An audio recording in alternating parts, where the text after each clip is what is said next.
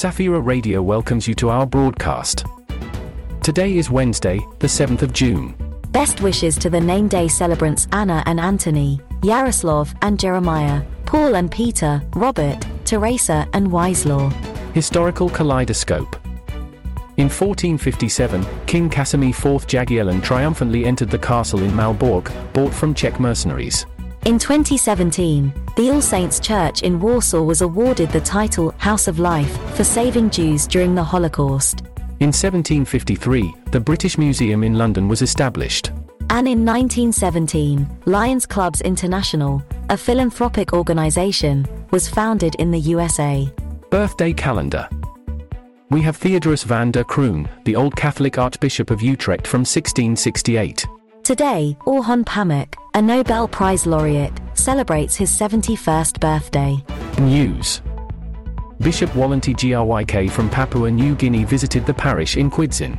He is the fourth Polish bishop working in Papua New Guinea. The Salesian Youth Days took place in the parish of SD. Mark in Bydgoszcz. The goal of the event was to support the Dominiczek Oratory. Vocalist Michael Smith was criticized for endorsing the controversial TPT Bible translation. His praising comment about TPT was removed after it went viral. Pastors in New Zealand are demanding an apology from the government for closing places of worship during the pandemic. The case will go to court in August.